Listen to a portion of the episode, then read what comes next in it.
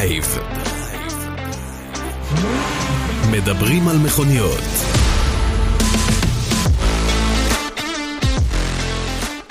אהלן חברים, אנחנו כאן בדרייב וחוזרים אליכם אה, פעם נוספת, לא התייאשנו, לא התייאשנו פולס, אנחנו חוזרים פעם נוספת ובאמתחתנו כמה דברים מאוד מאוד מעניינים, אבל אה, קודם כל יש לנו אורח. אה, שהוא חבר, והוא קולגה, והוא נחמד, והוא מעניין, ויש לו הרבה דברים לספר, אני לא בטוח שיש לנו הוא הולך לעצבן אותנו נראה לי. פרק כפול כדי לתת לו את הבמה, לעצבן, כן. וקוראים לו גיא רדאר, זה לא הרדאר של המצלמות, זה רדאר אחר, זה רש ד' רש. הרדאר המקורי, זה הרדאר. תמיד רציתי לשאול אותך, כן. מה- המקור של השם הזה, גיא רדאר? אין, אין, אין כבר את מי לשאול, אז אנחנו לעולם לא נדע. אה, ניחוש טוב? כן, אה, אין, אין ניחוש טוב, ממש אין. אה, אף אחד לא, לא, אף אחד לא יודע. בוא, בוא, בוא, נזרוק, חידה לקהל, כאילו, המוצא, אה, תימני, אה, פולני, כן, מה- ת- מה- תימני, תימני, כן. לא קלאסי. הוא חוטי קלאסי. תימני קלאסי, אבל אה, לא, זה מגיע מלודג'. לודג', כן. אוקיי. כן, אה, אני באתי מלוד היום, באמת. אז, אז כמו כן. שאני אומר, אני חצי פולני, חצי פולניה, אני חצי חצי.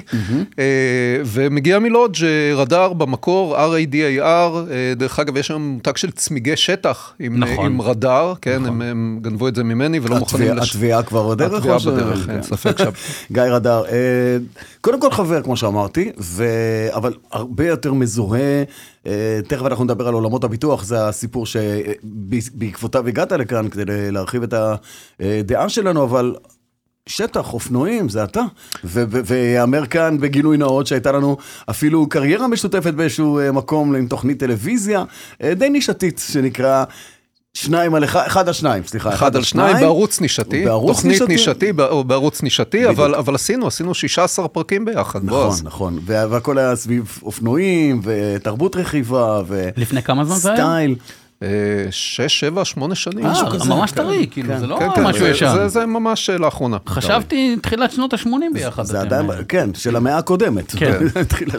של- המאה הקודמת. אז אנחנו מכירים מהמקום הזה, אבל היום אנחנו לא לא באנו לדבר דווקא על עולמות הרכיבה, באנו לדבר על עולמות הפרנסה, על הביטוח. אבל פה, אצלנו, גיא, מאחר ואני אני לא יודע כמה מאזינים לא שומעים אותנו, אני יודע על אחד שלא שומע, וזה אתה, אבל זה נגמר כאן ועכשיו, כי אתה מהיום מאזין לדרייב נלהב. אני, אני כבר, אתה, אני. רשום כמאזין נלהב. זה טוב שאתה בא, יש לך איזה אסטרטגיה כזאת פה, שאתה מביא כל מיני אה, אורחים. ככה אני מגדיל את ההאזנה, כן. בדיוק, הם שולחים לחברים והמשפחה. נכון, כן. נכון, הנה, ככה, תאזין. לאט לאט מגדילים את המעגל. אז יש לנו, בגלל שהוא פולני וגם פולניה, אז יש לנו לפחות עוד שני מאזינים. זה מעגלון. בדיוק כזה. אה, אז אני לא יודע אם אתה יודע, אז אני אחדש לך, אנחנו פה בדרך כלל מתחילים בענייני אקטואליה. ענייני דיומה האישיים של כל אחד. אה, מה עבר עליך היום, אתמול, לאחרונה? ספר.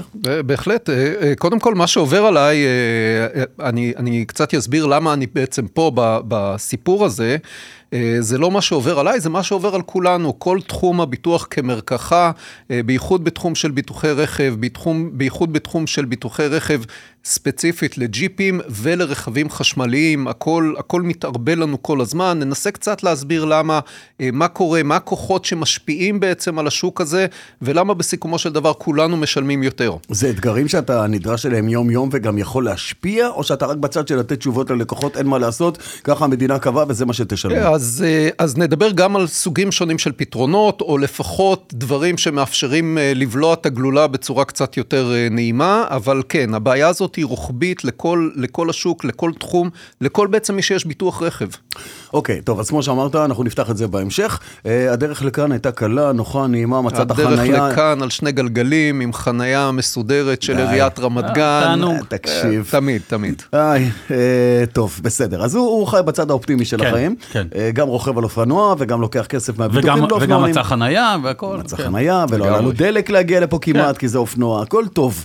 אה, ואצלך? אצלי, אני מודה שבאתי, עכשיו אספתי רכב, את, את הרכב שלי אחרי אה, שבוע שעמד... אה, סוף ב- סוף פגשת את המכונית כן. שלך באמת, כן. אז- אז- הסוללה, דרך אגב, יורדת אם מכונית עומדת תקופה, או ש... ב- לא, לא, תכלס, אוקיי. לא. המצבר 12 וולט יורד, בסדר? אבל לא את היוניק 5 אספתי, אלא אספתי את היונדאי i20 הידנית, שאתה זוכר שראית אותי ואמרת, מה אתה עושה בדבר הזה? זה, זה, זה אתה משהו יודע. ששם הסוללה לא יורדת. לא, בדיוק. גם לא כן. תרד, אתה אבל- יודע, יש יש את הפתגם הזה שאומר שלכל נמל, בכל אה, עיר שאליה הוא מגיע, יש כן. כתובת. אה, זה מפזר מכוניות בכל מיני מקומות. אז זה לא זאת הנקודה שרציתי לדבר, אלא, ברור. אלא כמובן ששמחתי שלא השארתי את האיוניק 5, כי כשבאתי גיליתי על כל האוטו כתמי בטון. הוא עמד, הוא עמד בח- הנה בחניון, יש- הנה, יש לך פה סוכן. כן, כן, לגמרי, שיגיד לך. לגמרי, לגמרי. כל האוטו עם כתמי בטון, ואני הסתכלתי ואמרתי, אוקיי, מה אני עושה עם הדבר הזה? האם אני מתקשר ליבואן שאצלו האוטו חנה ואומר לו, אח שלי, תקשיב, לא לזה, לא, לא לזה... אין מצלמה ש- קוד- שמתעדת? לא, קודם כל לתעד, קודם כל לתעד. מי- כל- מי הפושע? בכלל- בכלל, כל דבר שקורה הנה, היום, הנה, הסוכן בייחוד ביטוח שיש לנו... מצדיק את, אה, את כן, כן, נוכחותו. הי- היום בייחוד שיש לנו באמת מכשיר הקלטה ומכשיר אה, צילום ווידאו אה, ביד. הדבר הזה גם אפשר לדבר איתו, דרך אגב, קוראים לזה טלפון אה, נכון, נייד. כן. זו הפעולה האחרונה שעושים איתו, אבל בדיוק, אבל באמת, קודם כל, כל דבר שהוא קודם כל לתעד, מקסימום יסתם לנו את הזיכרון בטלפון, גם זה לוקח זמן, אבל קודם כל לתעד, וידאו, צילומים מכל כיוון, מכל זה, להשתמש כן, לא, זה אחר כך, אבל קודם כל, כל דבר שהוא לתעד. אז הנה, הוא לא עשה את זה, הוא פשוט הרים טלפון ליבואן אז לא, לא עשיתי, את גם, את זה, המכונית. גם את נכון. זה לא עשיתי, גם את זה לא עשיתי, הסתכלתי, אמרתי, אוקיי, בוא, סע הביתה, תרד, אם זה יורד בקלות, תוריד את זה לבד ליד הבית, בעדינות, נקה את האוטו כן, ותגור אבל, עניין. אבל הבעיה של בטון, אתה יודע, שזה לא חול ים שנשאר שם, הוא ובאמת... חומצי, אף- הוא כן. חומצי, הוא בדיוק, יש- תוקף את הצבע. יש שם משהו שתוקף את הצבע, וגם אם הורדת את זה, זה... תראה, אה, אדם מסוים שאני מכיר, קנה מכונית מסוימת שאני מכיר, והחנה אותה בחניון שאני לא מכיר. וכשהוא חזר אל המכונית, הוא גילה שכל המכונית נראית כמו כדור גולף זרועה באבני חצץ שבאה מתוך מערבל בטון. וואלה. עמד שם מערבל בטון, ואתה יודע, כשהם גומרים לספק את הבטון שלהם, אז הם שוטפים את המערבל במים, נותנים לו לתפוס ככה ספיד, ואז הם פותחים וואו. ניקוז ומורידים את הכל. אוי ואבוי. את כל הניקיון של הבטון, את כל האיכסה שנשאר בתוך, בתוך המערבל. והוא שפך את כל האיכסה הזה על המכונית. וואו. ולמזלו של אותו אדם, שאני מכיר, עם המכונית שאני מכיר בחניון שאינני מכיר, הוא רץ מיד אל הבעלים של החניון, ומסתבר שיש שם מצלמה. והם תפסו את המערבל בטון הזה, ואת הנהג שלו, שמסתבר שלא היה הבעלים של המערבל, אלא רק נהג שכיר. ברור. והלכו ותבעו אותו, והוא ישלם את הנזק. מה עשו בינתיים עם הביטוח, אם אתה שואל? פסלו את האוטו. די. מה, הוריד אותו מהכביש? השבתה לגמרי, כן. הנזק גדול. כמות, יכול מאוד כמות להיות. הדנטים האלה שהאוטו חטף להיות. אם- זה מהשקעים. דנטים, ממש דנטים שקעים, שקעים, בהחלט כן, יכול כן, לך. תעשה PDR לדבר הזה עכשיו ותתחיל לשאוב כל שקע ברגע שקע. שזה גג וקורות ו- גג וחלקים וקורות, שאי נכון. אפשר להחליף אותם, בהחלט. לגמרי. אה, עכשיו, האוטו מעולה, נוסע בלי קילומטראז' חדש כמעט לגמרי. הוא קנה אותו מהביטוח. אגב?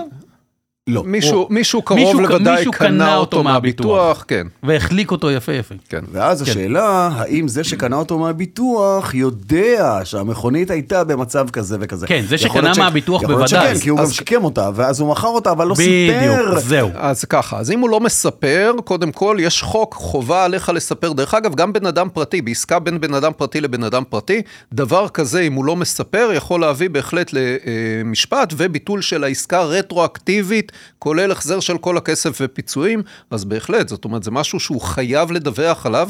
מעבר לזה, כל מי שקונה היום רכב יכול תמורת עשרה שקלים להוציא את הדוח, ההיסטוריה של הרכב בחברות הביטוח. כן, דוח ואם סליקה. דוח סליקה בדיוק, ואם אה, כמובן תבעו את הביטוח, אז זה מופיע שם. מופיע שם גם סכום הפיצוי וגם אם יש ירידת ערך וגם הסטטוס של הרכב לאחר, ה- לאחר האירוע. אז אה, זה משלים לי כמובן את כל הסיפור עם אה, ההיסטוריה הטיפולית של המכונית. אם אתה קונה מכונית מיד ודאי. שנייה, תבקש מהמוכר שייתן לך היסטוריה טיפולית. אם המוכר מסרב, או מתחמק, או מספר כל מיני סיפורים, תבין כנראה- לבד, תבין כנראה לבד. שיש שם משהו שהוא לא רוצה לספר לך על ההיסטוריה הטיפולית של המכונית, אה, ודוח הסליקה יכול להשלים את התמונה, הוא יכול תמיד להשלים את התמונה, גם אם הוא ייתן לך, הוא גם... היום, לפי זה דעתי. לא אומר שזה מבוטל מזה. אם הוא מספר לך על הטיפולים, זה על הטיפולים. זה לא אומר שהאוטו עשה חצי טוטלוס, ונרשם לו בביטוח שהוא עשה חצי טוטלוס, כי זה יכול להיות שהתיקון היה מושלם. אז הנה, כבר תרמת. נהניתי. כן, ב- עדיין- יש לי על האוטו. כתמי בטון, תר- אבל אה, אוקיי. תרמת במשרד, כאילו כבר תרמת. אז, אה, אז הנה, יש לך פה סוכן ביטוח אבל, התשובה היא קודם כל תיעוד, קודם כל תיעוד, תיעוד, תיעוד, כל דבר שקורה, אפילו אם זה איזה מישהו שפגע לנו ברכב במראה, אה, בכביש, או לא משנה, הולך רגל שטיפה אה, נפל לפני האוטו וכדומה, קודם כל לצאת טלפון, לתעד מכל הכיוונים, לעשות וידאו, לעשות סטילס, להקליט את הכל, אחרי זה לחשוב מה עושים. יפה. בועז, באקטואליה שלך? כן, שמחתי לרגע להרגיש שאנחנו לא הנדפקים היחידים מכל הפרשה הזאת בעולם שקורית עכשיו בגלל חרבות ברזל וכל החרמות ברזל, זה יותר כבר הופך להיות חרמות ברזל. אה, איפה זה פגש אותך? וזה פגש אותי בידיעה על כך שמפעלי טסלה בגרמניה אה, הולכים לעצור ולעצור את הייצור של המכוניות שלהם בברלין, יש להם גיגה מה פקטורי בברלין. הקשר בין ברלין לבין אה, סינואר? איזה יפה. המפעלים בגרמניה מקבלים הרבה מאוד חומר גלם וסחורה אלקטרונית ממפעלים בסין. אוקיי. וכדי שזה יגיע מג... מסין לגרמניה, האוניות הסיניות צריכות לעבור בבאב מנדב, במקום שנמצאים בני הדודים. אוקיי. אוקיי? והם עוצרים גם את האוניות האלה, לא מעניין אותם, ואלה גם מסרבים לשוט. אבל הסינים כאילו הם שותפים של האיראנים, כאילו הם, מה, לא, איפה זה? אז לא, זהו, מה? אז הנה, לפי מסתבר- הפרסומים אפילו תקפו מכלית רוסית, שהיא, וואלה. כן, יותר מזה. מה, ש, מה שברור כאן זה שלחות'ים יש בעיית ראייה ו, ובעיית זיהוי, הם לא תמיד מזהים נכון, אז חות'ים אה, מה חמודים, שנקרא, עמית או טורף. חמודים או נבלות כן. ככל שהם יהיו, אה, שיחנ- לא, הם נבלות, הם שיחנקו- נבלות. שיחנקו כן. עם הזכוג שלהם ביג טיים, אבל אין לי שום דבר נגד אה, טסלה, בוודאי שלא, אה, אבל מסתבר שגם המפעל בגרמניה נכנס לתהליך השבתה, החל מה-29 בינואר עד ה-11 בפברואר, זה אומר שבועיים השבתה. שבועיים השבתה של מפעל מכוניות, זה צוואר. בקבוק מטורף. זה מטורף. מטורף. גם להתניע את זה מחדש, ואחר כך גם להתחיל להשלים את האספקות של המכוניות האלה, זה פסיכי לגמרי, אה, וזה רק הודעה ראשונה. יהיו עוד אה, כאלה, והנה, מסתבר שלא רק אנחנו אה, נדפקים מהסיפור הזה, גם העולם הגדול נדפק מהסיפור הזה, ואולי סוף סוף האסימון שנופל ייפול קצת יותר עמוק, והדבר העוד יותר מעצבן שגיליתי בשבוע האחרון, זה שלא רק דרום אפריקה, ולא רק טורקיה או כל המדינות הנפלאות האלה, ובטח איסלנד המטומטמת הזאת שחטפה עכשיו התפרצות של הר געש, פתאום גם סלובניה מצטרפת אל אה, מדינת, רשימת המדינות שתובעות את ישראל על פשעי מלחמה ועוד ועוד. סלובניה, כאילו fucking סלובניה. בסדר, אה, מה שנקרא, חפש- את ערוץ הכסף. אין, כמו להפיל אה, אשמה ולדחוף אשמה לעמים אחרים כדי להוריד לחץ בעם שלך. אז, אבל הם אה, לא, אתה יודע, הם לא מוסלמים, הם לא כלום. מספיק, ברזיל, אתה יודע, זה הקפיץ לי את, הסעיף לגמרי, כי הברזילאים האלה השמידו את יערות הגשם הטרופיים, אה, בעקבות העניין הזה, מבצע כסף כמובן, וכזה שהם השמידו את יערות הגשם הטרופיים, אלפים של אה, אינדיאנים ושבטים מקומיים שם שחיו בג'ונגלים האלה כמובן נכחדו ומתו כי הם לא יכולים לחיות בתנאים אחרים, זה מה שהם יודעים מדורי דורות.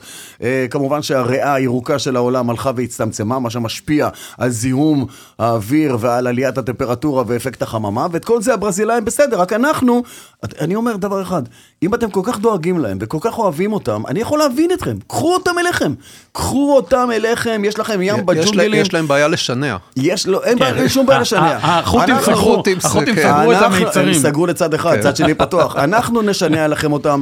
תקשיבו, יש, יש הידלדלות באוכלוסייה של הפיראנות ב- באמזונס. יאללה, בועז, הן רכב. צריכות, הן בועז, רכב, צריכות רכב, בוא נדבר על רכב. בשר טרי, טרי, הפיראנות האלה. גם לפיראנות יש קו גם אדום. לפיראנות יש קו אדום, נכון. רכב. אה, דניאל גל, אם לא אם לא תפסיק אותנו זה לא ייגמר לעולם, תן לנו איזה מעברון.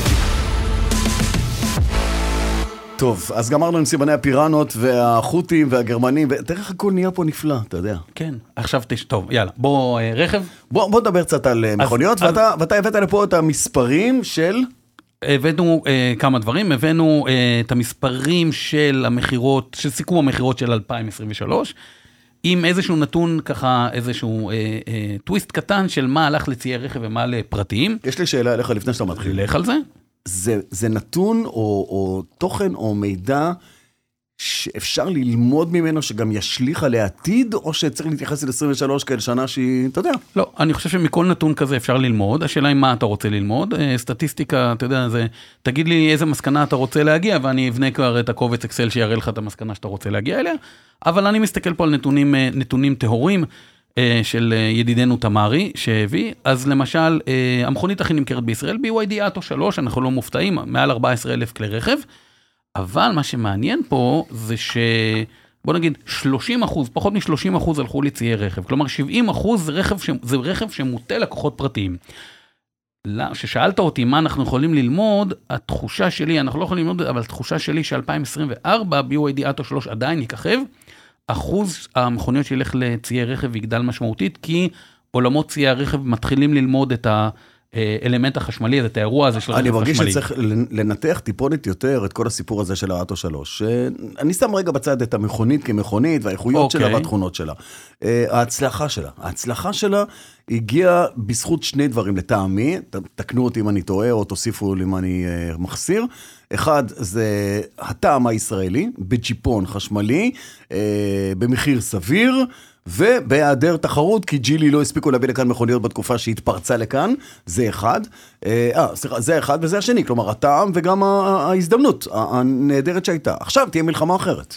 יש פה, יש פה מחיר מנצח, יש פה מוצר טוב, הוא לא מוצר רע, זה מוצר טוב, ו-value for money מצוין, והוא נותן אה, מענה ל- ללקוחות. בסיכומו של דבר יש פה גם ישראליות, אנחנו רואים את הסובארו, אחרי זה את המאזדה 3, את הטויוטה קורולה, יש פה איזשהו סוג של ישראליות. שכחת את המיצובישי ש- לנסר. מיצובישי לנסר כמובן, אה, אללה ירחמה. לא, זה מיצובישי אבל- ויש בו הכל, אתה יודע, כן. זה היה- זה היה הסלוגן, וזה נכון. נכון, אה, ו- ובהחלט יש פה, יש פה איזשהו עניין של ישראליות. תופעת אנשים- עדר. תופעת עדר, העדר דרך אגב לא אני- תמיד הוא לא טועה. טועה, הוא לא טועה, חוכמת לא תמיד ההמונים. טועה. בסדר. חוכמת ההמונים, רכב שמתומחר נכון, רכב שהוא הוא נכון לשוק שלנו. בוא נמשיך. כן. אוקיי, אה, הרכב הבא במכירות, קצת הפתיע אותי, זה אלנטרה היברידית, עם אה, 8,000 וקצת כלי רכב. ש- ופה גם כן כנראה שהשיא הולך... היא כן. מוטציי רכב אה, באופן מובהק, אה, דיברנו על זה כבר בעבר, שהסגמנט של המשפחתיות ללקוח הפרטי, שזה האלנטרה, הקורולה, אה, אוקטביה, הלקוח הפרטי פחות רוצה משפחתית, הוא רוצה יותר ג'יפון. אז רואים את זה בנתונים של האלנטרה. אה, נירו פלוס plug-in hybrid, בעצם מבין הקטגוריה הזאת, פרט לקורולה, היא היחידה שהיא היברידית אמיתית. האילנטרה. האלנטרה והקורולה, שתיהן היברידיות. הם שתיהן ההיברידיות נכון, האמיתיות, לא. נכון. כי, יש באוקטביה לא, איזה לא, עזוב, סוללה עזוב, עזוב, כזאת, mild, אנחנו לא מדברים על mild בדיוק, אז, לא. אני אומר, הם ההיברידיות נכון. האמיתיות, והם- והאילנטרה מככבת בציי רכב. מככבת בצי רכב. אני, ו- אגב, ובמוניות. בוא אני אגלה לך סוד, גם הטויוטה קורולה, עם 6,000 מסירות, היא במקום יותר נמוך, אבל עם 74 אחוז אה, ציי רכב. כלומר, 25 אחוז אה, פרטיים. למה? כי- למה? למה? למה אנשים שנוסעים במכונית ליסינג מהעבודה, כי מכתיבים להם. לא, אני אגיד לך למה. מה? כי מכתיבים להם. אומרים להם, אתה יכול לקחת קורולה, אתה יכול לקחת אלנטרה, אתה יכול לקחת... מכתיבים להם סיגמנט, תבחר פה. אין מצב ש... אבל אמרת קודם שהאוטו 3 גם, 30 אחוזים ממנה גם הולכת, אה, הולכים נכ, ל... נכון, האטו 3 מתחילה להיות אה, חלופה למשפחתיות המסורתיות, כי היא נותנת את אלמנט החיסכון בהיבט של, אה, של אה, ציי רכב, אתה מסתכל על עלות הרכב, עלות הליסינג ושווי שימוש ואלף ואחד דברים, בין היתר גם על עלות הדלק. ופה, כשאין לך עלות דלק, אז האטו 3 מתחילה לככב. כן, אבל בוא, בוא לא נשכח שיש גם מגבלות לרכב חשמלי, אם אין לך אפשרות לעמדת טעינה במשרד משמעית. ובבית וכדומה, זאת אומרת, יש עוד הרבה, יש פה עוד הרבה פרמטרים נכון. שמשחקים מעבר לרכב עצמו, ברגע שאתה מסתכל על רכב חשמלי. מתי אתם חושבים תגיע נקודת, אני לא רוצה להגיד על חזור, אבל נקודת השיווי משקל, שבו יציעו ללקוחות ליסינג כלקוח, לא, לא כחברה שקונה את הרכבים. אה, בתוך המגוון של המכוניות יש לך גם חשמליות, לא אחת, בוא, אז אנחנו, חשמליות. אנחנו פה, אנחנו כבר זה שם. קורה? זה זה קורה. אנחנו פה דרך אגב, כן. אבל יש איזושהי נסיגה, יש איזושהי נסיגה ברכבי ליסינג, עם, אה, עם איזושהי נסיגה לכיוון של הנעה בגז. אה, לרכבי ליסינג. הנעה הנעה בגז? בגז איפה- לרכבי איפה ליסינג. שמעת את זה? יש, שלום, יש שלום. איזה, כן, יש איזה, יש איזה משהו, אה, אה, עוד פעם, הליסינג הוא נכון, אבל בסיכומו של דבר, ה- ה- סליחה, הרכב החשמלי בליסינג הוא נכון, אבל בסיכומו של דבר, כמו שאמרתי, שאתה מסתכל על זה, על פריסה של עמדות טעינה, שאתה מסתכל על אפשרויות של טעינה, על טווח וכדומה, חלק גדול מהאנשים זה מאוד מאוד מרתיע עדיין. אחד, אחד זה פתרון, זה פתרון בר קיימא, זה לא משהו ארטילאי, היו פה מכוניות עם הנאה, גם אני בגז, לא, זה לא אני רק מודה בגז. שאני לא מכיר כזה פתרון, אני חי את העולם הזה מאוד לעומק. כן. אני אז, לא אה, שמעתי כזה פתרון עד היום, ואני מדבר עם כמעט כל החברות הגדולות. אני אשלח לך פירוט על, אני- על זה- הנושא. זה, מע- זה מעניין אותי, אני אשמח שתשלח כן, לי. זה בוא, בוא. נעבור הלאה. וגם לזה יש את המגבלות שלו, של איפה ממלאים גז, ואיפה כן, מותר לחנות אבל- ואיפה אסור אבל לחנות, כי אתה- מכוניות כאלה אסור אבל להם אתה- להיכנס לחניונים אתה תת-קרקעיים. עדיין תמיד יכול למלא דלק. בדיוק, תמיד יש כן. שם דלק, נכון. אמ, במקום השלישי מבחינת היקפי המכירות, נירו פלוס, אה, שהוא עם מעל 90 אחוז אה, לציי רכב. וואו. אה, טויוטה יאריס קרוס גם מפתיעה, כי כל, כל, כל מה שאני שמעתי כל הזמן זה שאין, אין, אין, אין, מסתבר שיאריס קרוס אה, מעל 7,200 מכוניות, אבל היא כבר, ויחד עם הג'ילי ג'אומטרי C, גם מעל 7,100 מכוניות, מאוד מוטות לקוח פרטי. הן לא הולכות לציי רכב, או פחות מ... ב-25% הלכו לציי רכב. אה, קיה פיקנטו, קצת הפתיע אותי, כי קיה פיקנטו, אה, 6,400 ומשהו כלי רכב, הייתי בטוח שזה רכב אה, פרטי. זה, זה טהור, זה... לא, זה... לא, זה פיק- קיה זה- פיקנטו רכב ליסינג הוא בגלל שווי מס נמוך. רכב ליסינג, רכב- 60 אחוז ליסינג. אה, צ'רי טיגו 8, גם רכב ליסינג, 73 אחוז הולך לליסינג, מעל 6,000, כמעט 6,200 כלי רכב, טויוטה דיברנו. יונדאי טוסון 6,000 מכוניות, בערך חצי חצי, אוקיי? חצי ציים, חצי פרטיים, הטוסון הוא, הוא, הוא אוטו טוב.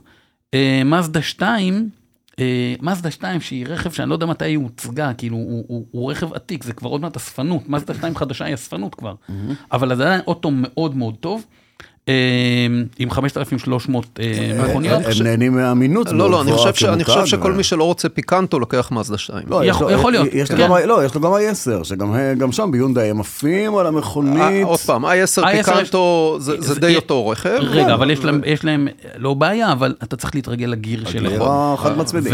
ובמאזדה 2 זה הכי גיר רציף, פלנרט- אה, פלנטרי. רציף אני חושב. אני- אה, כמעט בטוח פלנטרי. בדרך כלל יפניות הולכות עם גיר רציף. אה, בבדיקה, אני לא ילד הולך. עם אבא או ילד הולך ילד עם אמא? גם עם אבא וגם עם אוקיי. אמא. אה, אבל את מי הוא אוהב יותר? כן.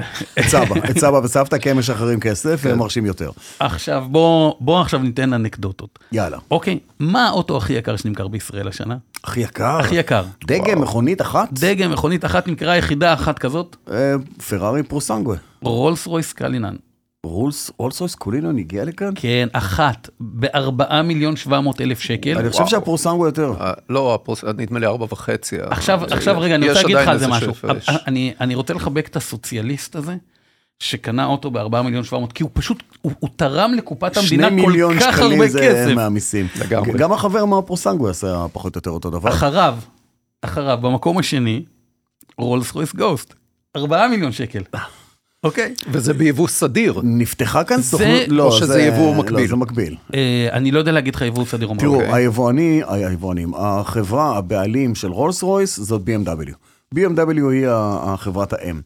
אה, ועדיין לא ראיתי אולם של רולס רויס שנפתח בישראל, אז אני מניח שמדובר ביבוא מקביל. לא יודע. ומישהו צריך לתת להם שירות. עכשיו, למכוניות כאלה שגם היבואן לא יודע לתת שירות, כי אין לו את הכלים האלה בארץ ואתה אין- מודאג. אין תקלות. ארבעה מיליון שקל, אתה מטיס את האוטו לחו"ל, תקלות ומחזיר. אותו. אז זה flying doctor, אתה מביא לפה תכון אין- טכנאים. אין תקלות במכוניות ובמכוניות האלה. האלה של כן. רולס רויס בדרך כלל אין תקלות. אין בכלל. תקלות, כן. אה, במקום השלישי, פרארי ספיידר אה, SF90. תמרי, תמרי פספס פה. מה? איפה אתה- הפורוסנגואה? לא, לא פה.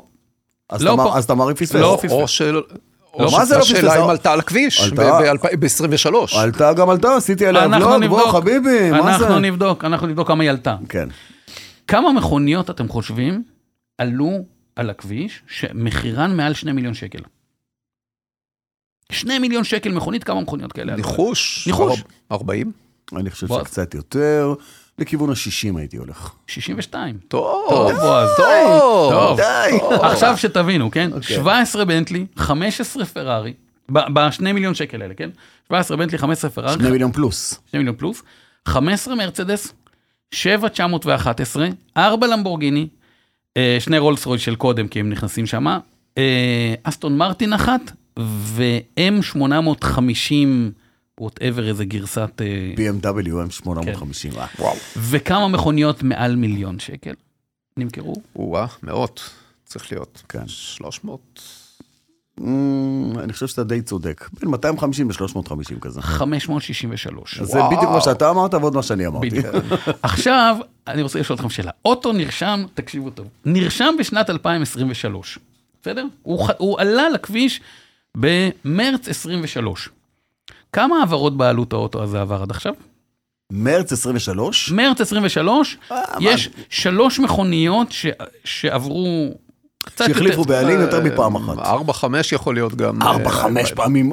בוא, מרץ 23, אנחנו עדיין לא במרץ 24, על מה אתה מדבר? עשרה חודשים. בועז, אוטו עלה במרץ 23, כמה בעלויות הוא החליף? עד, עד דצמבר 23. עד דצמבר 23, כן. אני אפריז ואני אומר אה, שלוש או ארבע פעמים, אבל זה סתם. אני הולך על אה, 5-6. והכי גרוע, איזה אוטו זה? 10. עשר! עכשיו תבינו את הקטע, תבינו את הקטע. די, עכשיו, די. אה, לא, קודם כל תגיד איזה מכונית מדובר. זאת במקרה, זאת סקודה אוקטביה. עכשיו, יש שתי BMW עם... סקודה אוקטביה. רגע? תקשיבו טוב, זה- אוטו אחד שכנראה לא לא שפר עליו גורלו.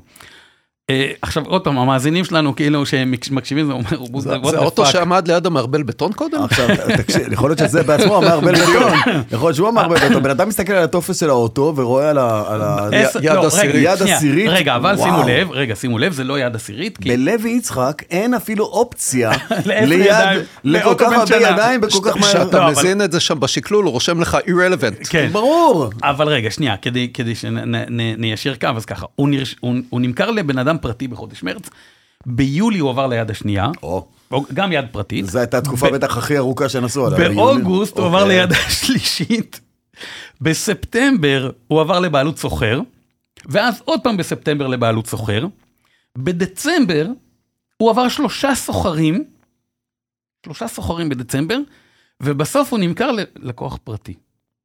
כלומר, בדצמבר, את סוף השנה, הוא סגר לקוח בוא, פרטי. בוס, אתה מכיר את המושג אה, מאנדיי קאר? כן, ואני, ואני, ואני חוזר לתחילת הפגישה שלנו כאן בכלל. כן. האם המידע הזה היה חשוף לאותו אומלל שקנה את המציאה הנפלאה? בינך לביני, אה, אה, התשובה היא לא. דרך אגב, לא, ולא רק מהסיבה הפשוטה שסוחר רכב לא לא נחשב יד. כיד. כן. נכון, הוא לא מופיע ברשומות כן. כזה, אבל אה, אבל אתה מבין, זה? אבל אתה מבין שכשרכב עובר בין סוחר לסוחר לסוחר לסוחר לסוחר, יש בו משהו נפלא שאף שום כן, סוחר לא מצליח למכור אותו. יש- עכשיו תמיד הם מגלגלים את הנבלה מבן אדם לבן אדם. די. זה כואב, זה כואב. דרך אגב, לכל, באמת, לכל אה, בית מסחר אה, גדול, לצורך העניין trade-in של, אה, של באמת, של יבואני כן. רכב, יש להם סוחרים קטנים יחסית. שעובדים איתם. שעובדים איתם, לגמרי. והם מגלגלים אליהם את הרכבים הפחות נדרשים. נכון, וצריך להבין גם בעולמות האלה של המגרשים עצמם, כשזה מגרש מטעם יבואן, ולא משנה כרגע מי, מגרש מטעם יבואן, הוא בוחר איזה כלים להשאיר אצלו. ברור. כדי למקסם את הרווח מצד אחד, וכמובן שאתה יודע, זה כמו שאתה בורר תפוזים בבסטה בשוק, אתה הופך את כל הבסטה עד שאתה מוצא את זה ואת זה ואת לא זה, וממלא-. ממלא את הסל שלך בתפוזים הכי טובים שיש באותו רגע. יש יותר דבר, כשאתה אה, זרוע ליסינג או זרוע trade-in של, של יבואן גדול או של חברה גדולה ומוכרת, אתה לא תמהר למכור רכב עם אה, תאונת שלדה או קורות שמרותכות או מנוע שפג תוקף שלו, אתה לא תמהר לקחת את זה על השם שלך, אתה תעביר את זה לאיזשהו סוחר אחר, כזה או אחר, שהוא כבר ידע, אה, מה שנקרא, למצוא לנבלה את ה... את ה... לימונים, לימונים. כן, את, ה, את, ה, את הלקוח המתאים, כן. שיכול להיות שגם בא ואומר, אחי, טוב לי, הכל טוב, רק תן לי מחיר זול, ואני, וזה סבבה שהאוטו עבר תאונת שלדה, לא מפחיד אותי. לא, תאונת שלדה, אם אוטו חזר אל הכביש אחרי שהוא עבר איזושהי מתיחה ובדיקה ועוד ועוד ועוד, אז יש לו תנאים ו- ו- וכללים. אנחנו מדברים במקרים של... דברים נוראים שקוראים להם משטובות, אותם לא, זה מכוניות כבר עולם אחר אותה- לגמרי. לא, בסדר, אז הנה תראה, ב, ב, אה, יש איזה, איך קוראים לגוף הזה, נו, ה- אה, להגנת הצרכן, אה, שיש בתוכו מחלקה מיוחדת שמתעסקת בכל מיני הונאות אה, כאלה ואחרות מסחריות, והם מפרסמים מעת לעת אה, כל מיני דברים שהם אה, מוצאים ועולים אה, להם וואלה, ברשת, אוקיי. נכון? אה, ואולי פעם נביא אותה, אחד מהם לפה. לאיזשהו פודקאסט, וזה יהיה נורא נורא מעניין. אה, אתה, איך קוראים להם, אתה אמרת? הרשות להגנת הצרכן. אה, טלפון אחר כך אני אתן לך. ודיברתי איתם פעם, והם אמרו לי, תקשיב, אנחנו מפרסמים, מצאנו אולם בחיפה של מכוניות יד שנייה, שיש שם שלט על המכונית, עומדת מכונית חמודה וצבועה ויפה ונוצצת ונקייה, ומבקשים ממנה איזה מחיר לא רחוק מהמחירון, קצת פחות, אבל עדיין, מחיר. ומסתבר שהמכונית הזאת התפרקה לשני חלקים, חיברו אותה, נו, ואתה מקבל שניים במחיר אחד. ליחדיו. חיברו אותה, שניים במחיר אחד. חיברו אותה, והדבר הכי גרוע שחיברו אותה זה שכרית האוויר עבדה שם בפעם הראשונה והמציאו לה משהו אחר, ובמקום כרית אוויר, הרי כשאתה מכניס סוויץ', נדלקת נורת הביקורת כן. של כרית האוויר, אז איך, אם אין כרית אוויר, שמו נגד. אז שמו איזשהו מוליך כזה או אחר, שמדמה את הנוכחות של כרית מה- האוויר, מה- מה שיותר ואז גרוע, בתאונה, חס וחלילה, מה שאמור לפעול לא יפעל. מה מה שיותר אז הוא גרוע, מוכר לך, מה שיותר הוא גרוע הוא מוכר לך חרב- אנחנו, חרב וחרקירי. איפה זה מפורסם, למה אנחנו לא יודעים שיש שיש את הדבר הזה. אז הנה, אני כבר אומר. למה? אבל אם אני הייתי מוציא דוח סליקה על האוטו הזה, הייתי יודע, נכון? לא, אם היית מוציא דוח סליקה כן, אבל אם יש לך גוף כזה שהוא באמת גוף אחראי שבדק ומצא איזשהו כשל מאוד מהותי באולם כזה, אני לא זוכר את הנסיבות, אבל אני זוכר מה היה שם אה, ברמת נקודה אחת או שתיים. אה, הם לא- הם לא שוטטו ומצאו את ה- את המכונית הזאת. כ- כנראה שהיה איזשהו מידע. הגיעה איזה תלונה, כן, הגיעה אליהם איזושהי תלונה, והתלונה הייתה ממוח- מלקוחה. מלקוחה שהיא בחורה צעירה, שלא מבינה, שניסו לעבוד עליה ולהראות לה, הנה האוטו חמוד ויפה ולבן וצבוע ונוצץ ועוד ועוד ועוד, והריפודימניקים, היום אתה יכול לעשות הכל בצ'יק צ'אק, ב-50 שקל ולגמור סיפור. ו- והיא די התלהבה, ואז שהיא הלכה ובדקה, וכנראה הלכה ובדקה, היא לא, ש- לא שמרה את זה בבטן, היא הלכה ודיווחה, והם באו וחקרו, והקנסות שם שהאולם הזה חטף, במאות אלפי שקלים. מאות אלפי שקלים. בסדר, באוטו השלישי שהם ימכרו הם כבר מכסים את זה כנראה. אה, תשמע, אני לא הייתי לא, כזה אנחנו, סלחן. אבל, אה, אה, בסדר, זה דוח סליקה. אני פשוט עוד פעם חוזר ואומר, אני התבקשתי לעזור לבת של חבר מאוד קרוב, למצוא אוטו, ו- ומצאתי מכונית, הדבר ראשון שדיברתי עם המוכר, שהיה מורה, נורא קואופרטיבי ונחמד, אמרתי לו, תקשיב, אני רוצה שני דברים. אחד, שלח לי רישיון של הרכב, שתיים, שלח לי דוח סליקה, הוא אמר לי, מה זה דוח סליקה? שלחתי לו לינק, הוא אמר לי, אה, איזה קל. תוך שלוש שניות היה לי גם את הרישיון רכב, גם דוח סליקה. כן, אבל בוא לא נשכח שאם הרכב... רכב היה בליסינג. לא, או- לא רק אם הוא היה בליסינג, אם אם- הוא תוקן, מה שנקרא... נכון, ב- באופן עצמי. באופן עצמי, נכון. אה, ולרוב זה דרך אגב התיקונים הבאמת בעייתיים, שלא מדווחים. שלא מדווחים, אז אז הוא לא יופיע שם. נכון, אבל uh, כשזה אוטו, אתה יודע, זה אוטו, נניח, סתם אני אומר, אוטו 2015, שהוא יד ראשונה או יד שנייה, ואם עבר תאונה קשה, רוב הסיכויים שהאוטו היה מבוטח בביטוח מקיף, אתה לא הולך לתקן אותו לבד. אני... צריך נורא להיזהר עם נכון. זה. אה, זה. זה הנחה שהיא מאוד מאוד מסוכנת. אוקיי. זו הנחה שהיא מאוד מאוד מסוכנת, כי, כי לא תמיד זה, זה קורה. עוד בייחוד דרך אגב היום, תכף נדבר על כל הנושא של עליית מחירי הביטוח, שאנשים, גם רכבים יחסית חדשים, לא מבטחים בביטוח או, מקיף. ואז זה- אם קורה דבר כזה, כן. הוא ילך ל... אבל בדוח סליקה אתה רואה שמקיף, מק- היה, אתה רואה שהיה, הייתה... אה, אה, לא, אתה רואה שהיה ביטוח, איזה סוג של ביטוח. נכון, אבל... אתה לא יודע אם הוא הופעל או לא. בדיוק. כן. אז רגע לפני שנעבור לדבר על סיפור הביטוח שלשמו התכנסת, כן. אה, ובאת עד לכאן, כול- כולי התכנסתי. כולך התכנסת ובאת עד לכאן על אופנוע בדרך בלי פקקים ובלי בעיות חנייה. אה, סתם שאלה מסקרנת כזאת של טריוויה. נגיד שאני רוצה לבטח את הקולינן הזאת ב-4.7 שבע מיליון. מיליון שקלים. כמה יעלה לי המקיף שלה? אז, אז אני יכול להגיד לך שרוב הסיכויים שמי שיש לו רכב ב-4.7 מיליון שקלים לא, לא מבטח. מבטח. מבטח אותו. לא מבטח מבטח אותו. צד ג', גם זה לא. הוא ו- מבטח חובה. אולי צד ג', ו- זה, זה ו- גם רכבים הרי שלא יוצאים. ועם אה, הפצצה הזאת, ועם הפצצה הזאת, אה, דניאל גל יחתין- ייתן לנו את האות כדי לדבר על הדברים שלשמם התכנסת ובאת. let's go. אחד הדברים הכי מעצבנים בחיים זה לשלם על משהו שאתם לא משתמשים בו. זה בדיוק כמו לבקש מטייס לבדוק איך עובדת מערכת אה, כיסא מפלט. אתה יודע, אתה לא רוצה, אתה לא רוצה. אתה אומר, תן לי לשלם, העיקר שאני לא אשתמש בזה. אבל מגיע איזשהו שלב שאתה אומר ומגרד בראש, אומר... על מה לעזאזל שילמתי פה? על מה לעזאזל שילמתי? וגם כשמספרים לי שיש תחרות בתוך ענף הביטוח ואני יכול לקבל את זה בזול ואת ההוא בזול, אני לא יכול להפריד כל הזמן, ואני מעדיף, אתה יודע, וזה גם זה תפיסות עולם. שיהיה הכל במקום אחד, גם המקיף וגם החובה וגם הזה, ולאנשים הם יגעים בלחפש. מי שנודניק וחסר ורוצה את ההנחה של ה-10 שקלים, 20 שקלים, 50 שקלים, 100 שקלים, ואני לא מזלזל, יעשה את זה. ייקח את אני המקיף. ממש, אני ממש מרגיש נפגע עכשיו. כשהגעת למאה, אוקיי, ייקח, ייקח, נכון, ייקח את- את החובה מכאן ואת המקיף משם. יפה, אז אני- לא מרגיש נפגע, אבל בוא, בוא שנייה נדייק דברים. זאת כן. אומרת, ביטוח רכב, אני מדבר כרגע אנחנו ספציפית מדברים על ביטוח, מדברים על כן. ביטוח רכב, רק שזה יהיה ברור. על, על אופנועים זה פצע מדמם אחר שקשה לדבר עליו. אופנועים זה פצע מדמם אחר, אולי שווה לתוכנית אחרת, אבל אנחנו מדברים על ביטוח רכב. כשאנחנו מדברים על ביטוח רכב, זה לא עניין של אני קונה משהו שאולי אני לא אשתמש ולמה קניתי וכדומה, אנחנו רואים את זה כל יום בכביש, אנחנו רואים את התאונות, אנחנו מקבלים את הדיווחים על, ה, על הנפגעים, ואנחנו רואים את המכוניות על הגרר מעוכות אה, או מוטלות בצידי הדרך לפני שאספו אותם. אה, אין, אין את השאלה הזאת למה קניתי, אוקיי? אנחנו יודעים למה אנחנו קונים. עכשיו השאלה היא כמה זה עולה ו, ו, ומה אנחנו עושים עם הסיפור הזה ובכל מיני סיטואציות שונות, אה, אם זה ברכבים, אם זה בג'יפים ו, וכדומה, רכבים יקרים כמו שדיברנו. אז, אה, אז קודם כל קצת, אה, קצת להבין, אה, תחום של ביטוח הרכב זה תחום שהוא, אה, אני אקרא לו, אה, אה, תחרותי מאוד או פרוץ לחלוטין, למה? מכיוון שחברות הביטוח בזמנו נתבעו על הנושא של אה, תיאום אה, תעריפים. קרטל.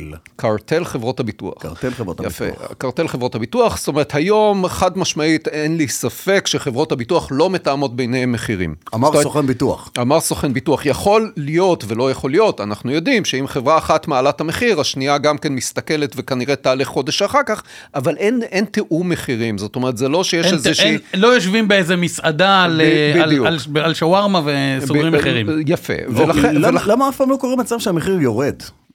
אז קודם כל קרה... גם אם לא צונח פלאים, אבל עדיין יורד. קודם כל המחירים מאוד מאוד ירדו בצורה מאוד מאוד משמעותית. בוא, בוא שנייה ניקח את עצמנו לשלוש תקופות עיקריות. אוקיי, טרום קורונה. אוקיי, אני, אני עוד לא הולך על קורונה, אני עוד לא מתייחס למה שקורה עכשיו, אני מתייחס על טרום קורונה, תחרות מטורפת בין חברות הביטוח, אה, חלקים זולים, זמינים, אין בעיות של שילוח, הגלובליזציה עובדת בצורה נפלאה, כתוצאה מזה גם יש מעט מאוד גנבות של רכבים, לא צריך חלקים, כי החלקים זמינים. אה, קל, קל לעשות את זה, לכולם יש ביטוח, הביטוח זול והתחרות משפיעה בעצם על הורדת מחירים מאוד מאוד משמעותית, כל שנה המחיר יורד בכמה שקלים. אוקיי, כמובן גם ערך הרכב יורד, אבל גם המחיר יורד בכמה קורונה. שקלים. טרום קורונה. הגיעה. הקורונה, הגיעה התדפ- הקורונה. התדפ- התדפקה על דלתותינו. התדפקה על דלתותינו, ובעצם הקורונה התחילה בתור משבר השבבים הידוע, אם מישהו זוכר, אז היינו מזמינים רכב, היינו מקבלים אותו עם לוח שעונים אנלוגי. אנלוגי, לא- ואפילו מפתח שהוא לא... ואפילו מפתח שהוא לא קילס, בגלל שאין את השבב. אין את הצ'יפ, אין את אין את הצ'יפ. אז, אז נכון, זה, הצ'יפ הזה הוא חלק קטן מה, מהסיפור הזה, כי בסיכומו של דבר, מפעלי הייצור של החלפים, וכמו שדיברת קודם על טסלה אה, בגרמניה, בגרמניה, נכון. שהחלקים מיוצרים בסין, אז גם פה יש חלקים, חלקי מרכב שמיוצרים בכל מיני מקומות בעולם, חשמל וכדומה. אה, הקורונה גרמה כמובן לעצירה של המפעלים האלה, עצירה של השילוח, כל העולם הסתגר, ואז התחילה בעצם הבעיה. למה? דרך אגב, בסוגריים ייאמר אודות הצ'יפים, ואל תסחפו אחריי, זו פשוט אמירה שמתאימה לעכשיו. אחרי הבחירות בטיוואן, עלה נשיא חדש בטיוואן, אה, שהסינים לא רצו שהוא ייבחר, והטיוואנים כן רצו שהוא ייבחר, וטיוואן מחזיקה ב-50% מהצ'יפים בעולם. ולא רק מהצ'יפים, אלא מהצ'יפים הכי מיוחדים בעולם, שלא האמריקאים, לא הסינים ולא הגרמנים יודעים לעשות צ'יפים כאלה. אז והיום הם מייצרים, ואין בעיה של צ'יפים. אז הסוגריים נסגרו, יפה. כן, אבל עכשיו יש נשיא שהסינים לא רוצים, אז אה, בסדר, אוקיי. וחוטים. כן. אה, אז, אז באמת שם התחיל הסיפור. שמח שלא חתכתי לך את החוץ, כן. חוטי. שם באמת התחיל אה, מה שנקרא להתקלקל כל הסיפור הזה, ונוצרו בעיות קודם כל באספקה של חלקים, זאת אומרת זה לא משנה אם זה כנף של רכב או כל דבר אחר שצריך בשביל לתקן או להעלות דברים פעוטים, אה, פשוט לא היה חלקים, לא היה חלקים, אחרי זה המשלוחים. אם אתם זוכרים, עלו מ-1,000 דולר למכולה ל-10,000 ל-20 אלף דולר למכולה, אז הנה גם השילוח יותר יקר, ואם השילוח יותר יקר והחלק יותר יקר, אז כמובן גם יש יותר מיסים, כי המיסים הם באחוזים. נוצרו, התחילו להיווצר איזושהי שרשרת של בעיות, שהתוצר שלה היה גם עלייה בגנבות. למה? אין חלקים, אז... אה, בוא נגנוב. בוא נגנוב, בוא ניקח- נשרוד, בוא נשרוד. בוא ניקח חלקים מחלקים אחרים. בוא נייצר חלקים, בוא. נייצר כן. חלקים מחלקים אחרים.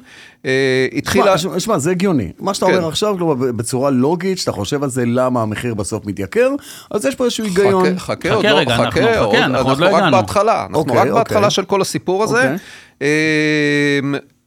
המסתבר, מסתבר שתקופת הקורונה, אמנם בסגרים אנשים לא יצאו החוצה, אבל מיד אחרי זה יצאו, אה, לא טסו לחו"ל והיו גם יותר תאונות.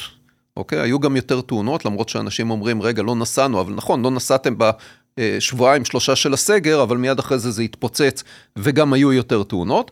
אה, כל הסיפור הזה, יותר גנבות, עלויות של חלקים, מחסור בחלקים, תאונות, כל הסיפור הזה הוביל את חברות הביטוח. ועוד פעם, אני לא אומר, אני סוכן ביטוח, אני מתפרנס מהלקוחות שמשלמים, mm-hmm. לא מחברות הביטוח. Mm-hmm. לא מרחם על חברות הביטוח, אבל חברות הביטוח הפסידו מיליארד וחצי שקל בתחום ביטוחי הרכב. בתחום ביטוחי הרכב, אה, מה שנקרא דיממו. אה, הדבר הזה גרם לעליית מחירים מאוד מאוד משמעותית בשנת אה, 22, אה, אני בטוח שכולם ללא יוצא מן הכלל חוו את זה, הממוצע היה 30 וקצת אחוזים של עלייה, זאת אומרת היו כאלה שכמעט לא עלו, והיו כאלה שגם עלו פי 2 ופי 3. נגמרה, נגמרה 22, אוקיי, נגמרה 22, אנחנו באים 23, אולי קצת יותר טוב, אה, ואז התחיל הנושא של המיתון. אה, אנחנו שוכ... שכחנו. ואז התחילה אבל- המלחמה גם ב... ו... ובסופו של דבר, או בין בסופה ברית של המועצות שנה, לבין אוקראינה, נכון. מלחמה באוקראינה התחילה, אה, נושא של מיתון כולל אה, שהוא הוא גלובלי במידה מסוימת, וכמובן הפטיש האחרון והגדול, מלחמת חרבות הברזל, נכון. ששמה החדש אני עוד לא אז- יודע אותו. אז אני, עכשיו, תראה, סיפרת סיפור יפה, אני באמת, כאילו, סיפור הוא אחלה, אבל התחושה שמחירי הביטוח זינקו בלי פרופורציות, היא כמעט הייתי אומר, היא כמה חודשים איתנו, היא לפני חרבות ברזל, היא כמה נכון, חודשים לפני נכון. חרבות ברזל, ואנחנו בכל המקומות, בפורומים, בפייסבוק, אתה רואה שאנשים באים ואומרים, בואנה, תקשיב, הקפיצו לי מחירים בצורה מטורפת. אז, אז, אז נכון, למה? למה? כי אמרנו ב-22 המחירים עלו בסדרי גודל של בערך אה, אה, סביבות ה-30 אחוז, ומסתבר שזה לא, הפסי, לא, לא הספיק, וגם ב-22 עדיין חברות הביטוח הפסידו כ-200 מיליון שקל על נושא של ביטוח הרכב. עכשיו אני מזכיר לכולנו, גם לי, מזכיר לכולנו, שבסיכומו של דבר חברת ביטוח היא לא חברה סוציאלית, היא חברה שמטרתה להרוויח כסף לבעלי המניות שלה. לא, אין בעיה, אתה יודע, היא גם בסוף, אה, או לא בסוף, בהתחלה, היא כן. צריכה לטפל בלקוח שלה ולהחזיר לו וכמובן לטפל, או ו... או את המכונית למצבה הקודם, ולשפות אותו חד על כך ש-. שהערך שלה ירד, או לפסול אותה ולתת לו את כל- את כל העלות. חד אבל משמעית. השאלה שעכשיו נשאלת יחד עם זה, אה, אולי יש לך את הנתון ואולי לא, אני לא יודע, לי אין את הנתון הזה, לגבי מספר תאונות הדרכים או מספר התביעות. האם גם עלתה איזושהי, הייתה איזושהי עלייה היסטרית? כי אם יש יותר תביעות, אז הגיוני שהמחיר עולה. אז, אז אני יכול להגיד שאני לא בדקתי את המחיר הזה, אני יכול להגיד ש... את הנתון הזה. אה, את הנתון הזה כמובן, סליחה. אה, אני יכול להגיד רק שמבחינת הרגשה שלי, אה, אצלי במשרד, שנת 23 הייתה עתירת תביעות מבחינת ביטוחי רכב. אה, עוד פעם, זה לא מדגם מייצג, אה, אני זו לא... תחושה. זה, זה עניין של תחושה שלי, שכן, היה, יש עלייה מאוד מאוד רצינית בתחום של התביעות. זה נשמע קצת, אה, קצת לא מחובר למה שאומרים לנו במקומות אחרים. אה, המכוניות שמגיעות הנה מדי שנה, אלה, אלה לא המכוניות היחידות שמסתבכות בתאונות, מכוניות מסתבכות בתאונות מכל המודלים ומכל השנים, בכל הדגמים. אבל מדי שנה עולות כאן רבע מיליון מכוניות חדשות. אה, והרמה הטכנולוגית של הבטיחות שלהן הולכת ועולה. אה, מכל מיני כיוונים וכל מיני סיבות. וזה רק אמור, על הנייר, להעלות את רמת הבטיחות מצד אחד ולהקטין את הסיכוי לתאונה מצד שני או יחד עם זה. אה, מה שלא מתיישב עם העלייה הזאת במספר התביעות. אז, אז אני אדייק את זה, אני אדייק את זה מכיוון שעוד פעם, וזה עניין של הרגשה, דרך אגב, כן, עוד כן, פעם, לגמרי, אנחנו סובייקטיבי לגמרי. על סובייקטיבי לגמרי. Uh, המערכות האלה בהחלט מפחיתות בתאונות הקשות, uh, uh, גורמות לתוצאות התאונה להיות הרבה פחות משמעותיות. אבל הן לא יכולות למנוע באמת אה, אה, תאונה, מה עוד שבסיכומו של דבר רכבים לא מתקשרים אחד עם השני, ואם הרכב שלפניי בולם, ואני יש לי מערכת בנייה, בלימה אוטונומית, והרכב שלי בולם בחוזקה, זה שמאחוריי ייכנס בי. אם אין לו מערכת בלימה כזאת. אה, אז אתה אומר, אולי התאונה בינך לבין המכונית שלפניך נמנעה, אבל התאונה בינך לבין המכונית שמאחוריך לא בדיוק- נמנעה. בדיוק, זאת אומרת, אם יש דברים, לדוגמה, אם הייתי צריך לסטות מנתיב, והרכב מנע ממני לסטות מנתיב, כי יש מערכת של מניעת סטייה מהנתיב, יכול להיות שבאותו רגע גרם לי, אה, גרם לי או למישהו אחר כן לעשות איזושהי תאונה. אה, אה, אין לי, אין לי נתונים אמיתיים על הדבר הזה, אני לא חושב דרך אגב שעדיין יש נתונים, כי המערכות האלה הן טריות באופן שמדווח- יחסי. תראה, על מה שמדווח ברמת המשטרה בתאונה שקורית, אני חושב שכולנו זוכרים לצערנו תאונות שדובר בהן הרבה, כי הנזק היה שם מאוד משמעותי וכבד ועצוב עד מוות. אה, עם מכונית שסטתה מנתיב בכביש הערבה וחבר'ה צעירים, כל מיני סיבות כאלה, לסיפורים מזעזעים על סטייה מנתיב שנגמרה ב... אתה זוכר משהו כזה מהעת האחרונה? יש כל הזמן. בכביש הערבה יש כל לא, הזמן. לאו דווקא בכביש הערבה. לא, אבל אני מדבר על כביש הערבה למשל, זה כביש שאני נמנע מלנסוע בו, כי הוא מפחיד בסדר, אותי. אנחנו לא נדבר אבל על כביש הערבה, אני רק אומר, אני, ואני לא מייצג גם כן, לא. נוסעות לך על הכביש משאיות ואוטובוסים ואלף ואחד כלים שהם לא, שהם לא ועוד זה. פעם, יכול להיות שהמערכת הזאת תמנע, או, או סליחה, לא תמנע את התאונה, אבל היא תפחית בנזק של התאונה. היא לא תביא למוות אה, אז וכדומה, אתה יודע מה, אבל אה, עדיין, עדיין חברת הביטוח תצטרך לשלם. אז אני רוצה לשאול אותך שאלה, כי אז- מה שאתה אז אומר, רגע, כן. שנייה, לא, בוא. אז אני, ש- רגע. בגלל העניין הזה, אני. אשאל שאלה שאולי היא קולעת גם לדעתך. אז אם מייבאים מכוניות שרמת הבטיחות שלהן מאוד גבוהה, והמעורבות שלהן בתאונות דרכים קטנה, למה לא לשפר את ההצעה או להפחית את הפרמיה לאנשים עם מכוניות כאלה? מהסיבה הפשוטה שבו לא נשכח שחוץ. מתאונות, חוץ מתאונות, יש. גם, יש גם בסדר, גנבות. בסדר, בסדר. עכשיו, יש לך, אה, יש לך רכבים שהגנבות שלהם הם במספרים כל כך גדולים, אה, רוביקון, אה, כן. איוניק 5, כן. איוניק 5 דרך אגב, גם כן. לא, לא, לא, אה, לא, לא דבר על איוניק 5 פה. בבקשה. סליחה. תעבור נושא. לא, זה איוניק 5 תעבור הגנב- נושא. איוניק 5 הגנבים. כן, זה, זה, כן, כן, זה. דגם זה אחר, רגיש, זה דגם רגיש. אחר של האיוניק כי 5. תכף אתה תגיד לי לנד קרוזר ואני לא... איוניק כן. חמסה. כן, הלנד קרוזר כבר לא בבכורה. אה, באמת? איזה כיף. כן. הוא עוד יחזור. כן. אבל, יש רכבים שהגניבה שלהם היא כזאת, המספר של הגניבות הוא כאלה ש, שהביטוחים גם עלו ב-300 אחוז. יש רכבים שחברות הביטוח היום לא מוכנים לבטח אותם תן בכלל. דוגמה. רובליקון. אה, רוביקון. אה, רגע, עכשיו, לא. אה, תראה, רנגלר רוביקון, רכב שטח אלמותי, מדהים ונפלא. אתה אומר, מדהים. אתה אומר, אני כדי, אני, מה שנקרא, זה, אני לא אצליח לבטח היום רוביקון, או שהמחיר שלו יהיה כל כך מטורף, אתה תגיד, אה, עזוב. תלוי באיזה דגם, אה, יש דגמים, יש דגמים שאני לא אפרט כרגע, כן. אבל יש דגמים שיש יש בעיה של גניבות... אה, גניבות יתרה? יתרה לצורך העניין, או, או מקלה. אה, ו, ויש דגמים ש, שהיום אני לא מוצא להם פתרון לביטוח. אז מה ה trade-off? אה, אתה תגיד לי, שים אותו בחדר עם שלוש הגנות ואזעקה וסורק וסונאר. השאלה- אם זה- אה, יש פה שאלה, האם יש מקום לאמצעי מיגון פיזיים כמו שפעם היו מנעולי הילוכים? דרך אגב, אתה יכול היום לראות ברכבים, דרך אגב, גם טויוטה לנד קרוזר, אה, רוביקונים, אה, כמעט בכל אחד שתסתכל פנימה דרך החלון, אתה תראה מיגון פיזי של המיגון הגה כזה, הכתום. חובק הגה. חובק הגה, לא, לא חובק סתם. לא, לא, חובק ממש- הגה, שלא לא מאפשר כן, להגיע כזה- לגלגל כזה- ההגה. כן, זה נועל הגה כזה. זה ממש נועל הגה עם מוט כזה גדול, דרך אגב, אני לא מבין, ברוביקונים אין מקום הרי, איפה אתה שם את זה בפנים? יש מקום, עובדה שאתה רואה את זה. אה, כן, אבל, אה, ומנעולי דוושות, זאת אומרת, המיגונים הפיזיים ממש חזרו, ל, חזרו ל, אה, לאופנה לצורך העניין.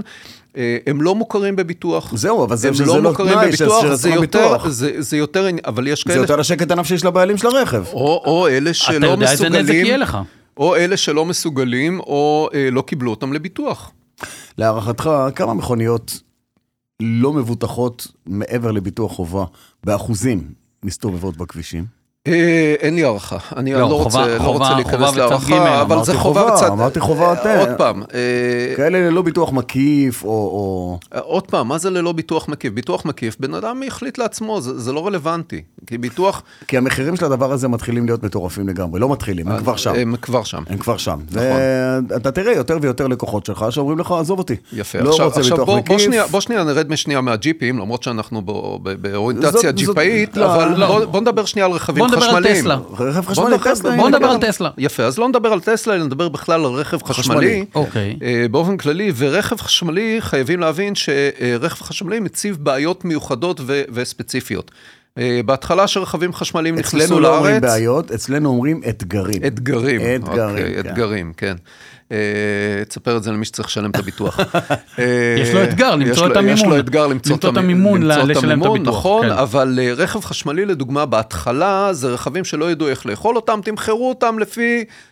סלח לי, אבל הוציאו את האצבע מהחלון, רטובה, לפי האקטואריה של רכב רגיל, פלוס הרוח. איזשהו... כנראה, אוקיי, עוד פעם, כנראה איזשהו פלאג נאמבר וכדומה.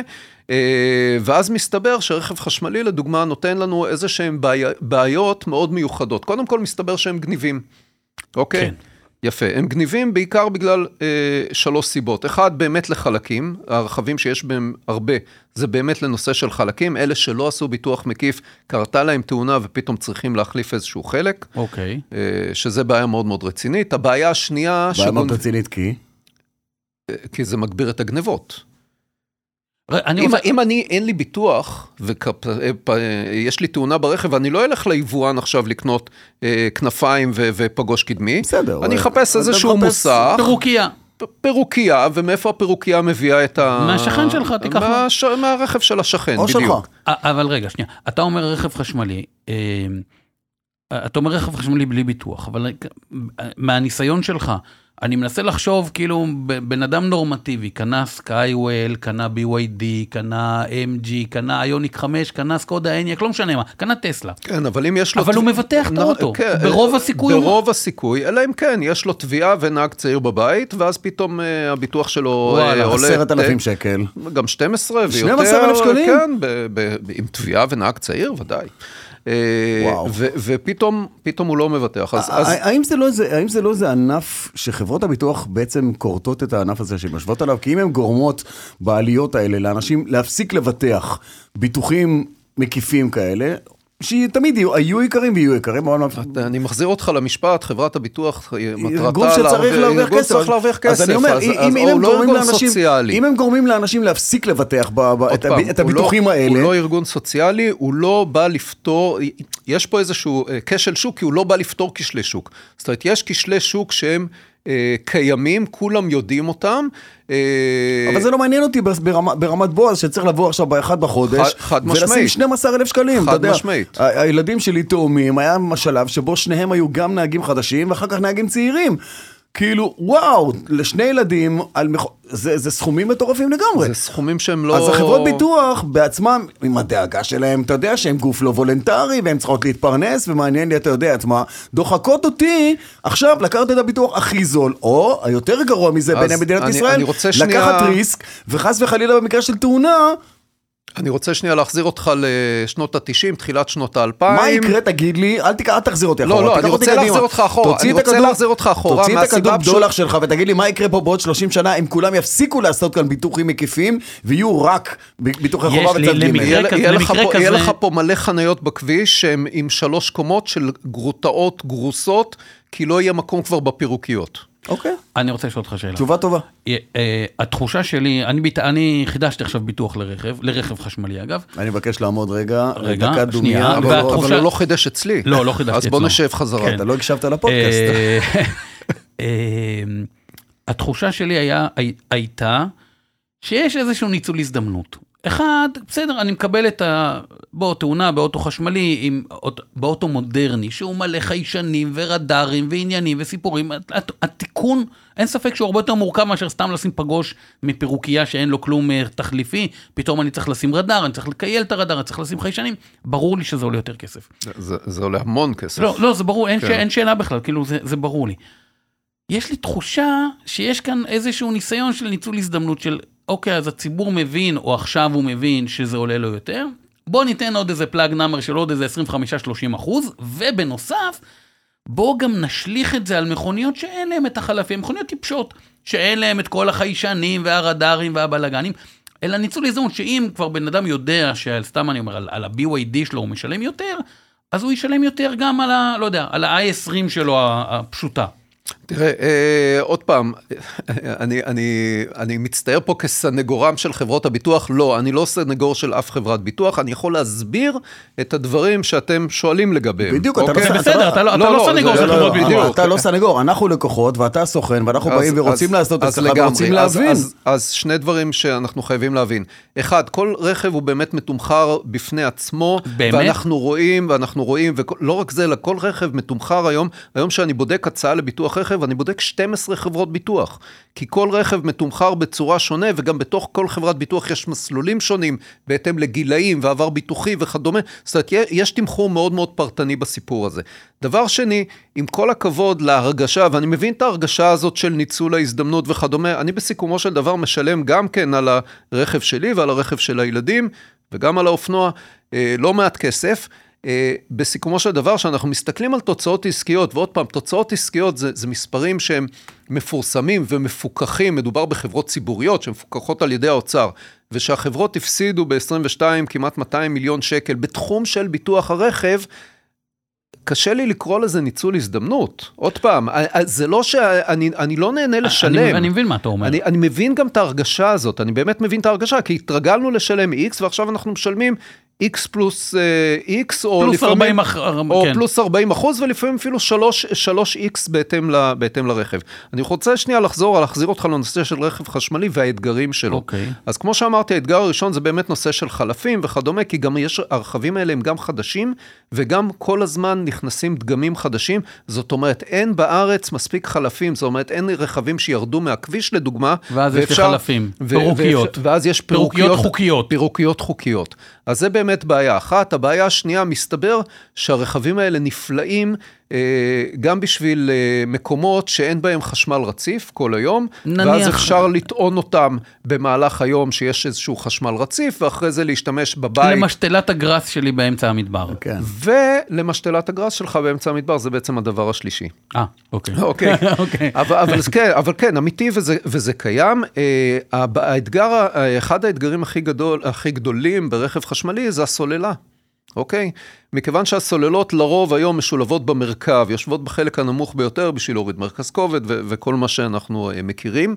כל פגיעה בשאסי, בשאסי, כן? המילה של פעם. השאסי. כן. השאסי. כבר אין שאסי, זה כבר שלדה אחודה. בדיוק, זה כבר שלדה אחודה, אבל כל פגיעה בשלדה אחודה, בחלק התחתון שלה, יכול, יכול להביא... להיות מתורגם להיות גם פגיעה בסוללה, וגם זה נזק של עשרות אלפי שקלים. יפה, עכשיו זה לא רק שיכול להיות מתורגם, גם אף אחד לא ייקח על עצמו אחריות להסתכל ולראות, יש דנט למטה, אף שמאי לא ייקח על עצמו אחריות ויגיד, ו- ואחרי זה יסתבר שיש פגיעה בפנים בתוך הסוללה, הסוללה מתלקחת. בתוך אחד התאים. או, וואו, ואז יש לנו כבר סרט אחר.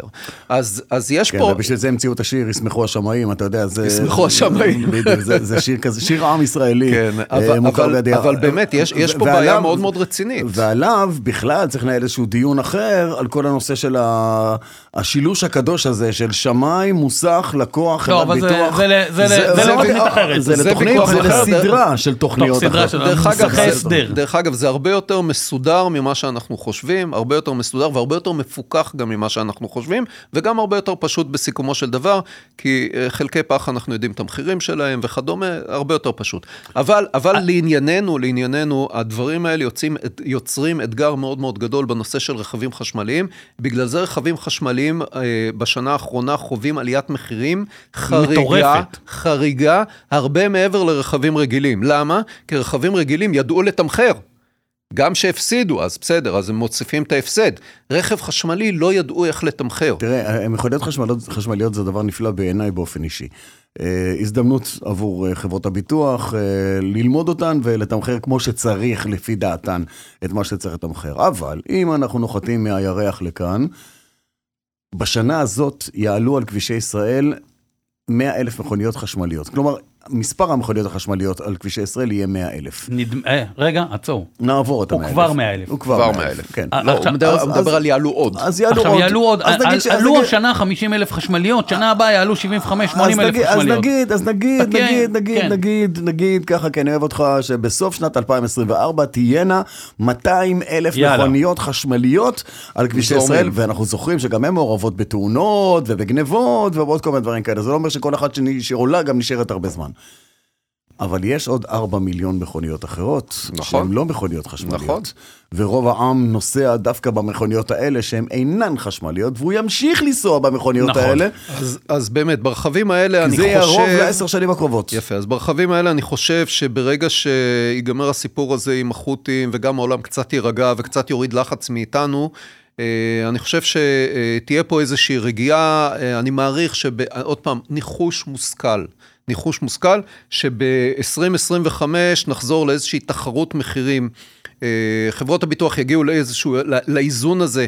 אה, אה, עם לפחות- רווחיות סבירה. רווחיות סבירה בתחום הרכב, ואני מקווה שבהחלט נתחיל לראות איזושהי ירידה במחירים, אבל, אבל עוד פעם, זה, זה, זה בהחלט ניחוש מושכל. אני רוצה לשאול אותך שאלה. כשחידשתי עכשיו ביטוח, חידשתי ביטוח אצל אחד הישירים, ובאיזשהו שלב, אה, אני, הולך מפה. הנציג אומר לי, אתה דווקא זה שיכול לשים פה את האצבע בסכר ולעצור רגע, את ה... תקשיב, לא, לא, תקשיב, הנציג אומר לי, יואב, אנחנו יודעים כמה עולה ביטוח לאוטו שלך, הספציפי, בכל חברות הביטוח, אין לך הצעה יותר זולה מאיתנו, ולמרות שאני אמרתי לו שיש לי הצעה, הוא צדק.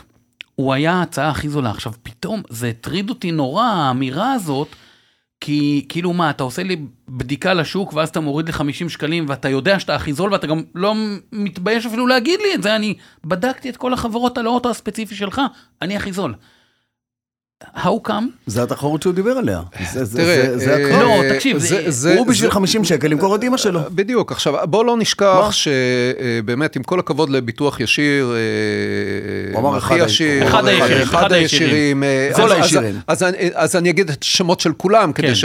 כן. אה, עם כל הכבוד לכל הביטוחים הישירים, כן. אה, בסיכומו של דבר, אה, מדובר שם על אה, על, אה, מוקדנים, הוא לא- הוא לא איש ביטוח. הוא נכון, מוקדן הוא איש ש- מכירות. הוא איש מכירות שמקבל תגמול על מכירה נכון. נטו. לא מעניין אותו מעבר לזה כלום. ושאלה ש...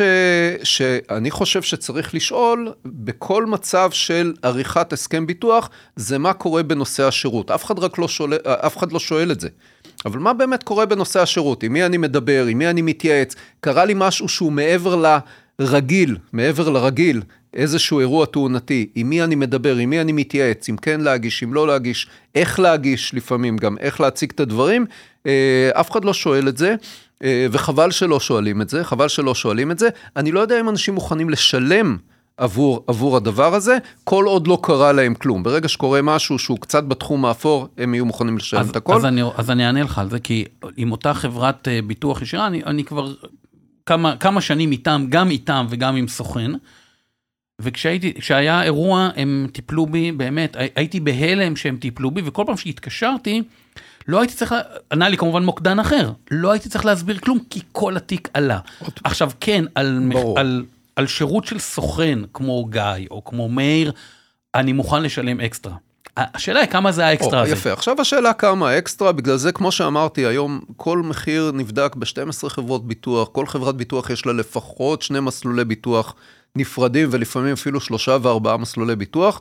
אה, אנחנו מגיעים לסדר גודל של 27 הצעות ביטוח לכל רכב היום. כשאתה, אני בא אליך עכשיו, אומר לך, אני רוצה לעשות ביטוח לרכב, אתה בא, אתה... 27 אתה, יש לך הצעות? 27 הצעות פר שונות. מכונית? פר מכונית? פר מכונית, פר וואו, מכונית. וואו. כמובן שהכל ממוכן והכל קל ופשוט בסדר, וכדומה. אבל עדיין. אבל, אבל כן, כן. יש הבדלים בין חברות ביטוח, סתם אני אומר, עכשיו אני אזרוק שמות סתם, כן? אה, מנורה לא מוכנים לבטח לנד קרוזר, הראל באים ואומרים, בוא, תביא לנו את כל הלנד קרוזרים. אה, התשובה היא כן, לרוב אם יש חברה שלא מוכנה לבטח, לרוב זה חברה יותר מחברה אחת דרך אגב, רוביקון, אה, אבל... כי אה, כי הם יודעים שהמכונית אבל- היא אה, עם פוטנציאל, אתה יודע.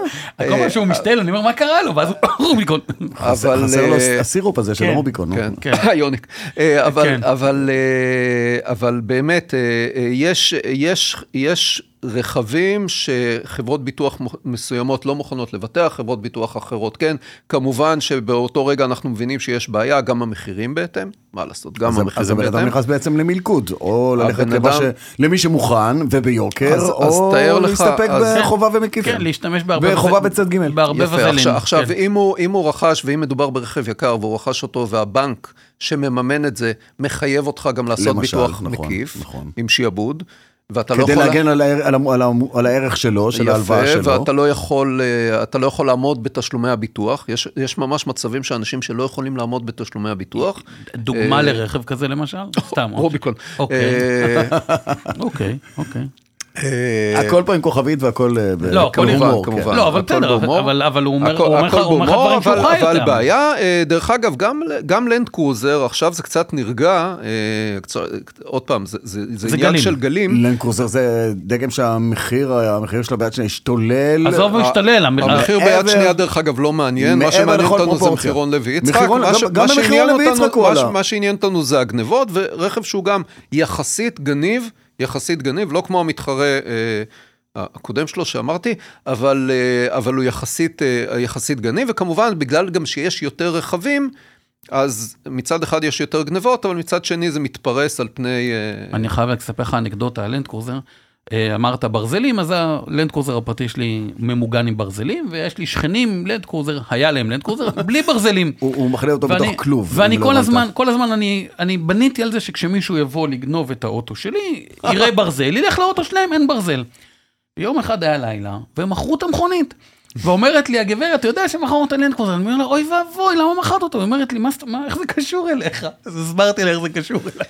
אה, טוב, ד- דרך. אגב, אחת מהבעיות בברזלים האלה, אה, הבעיה העיקרית של הברזלים האלה זה הסוללות הנטענות.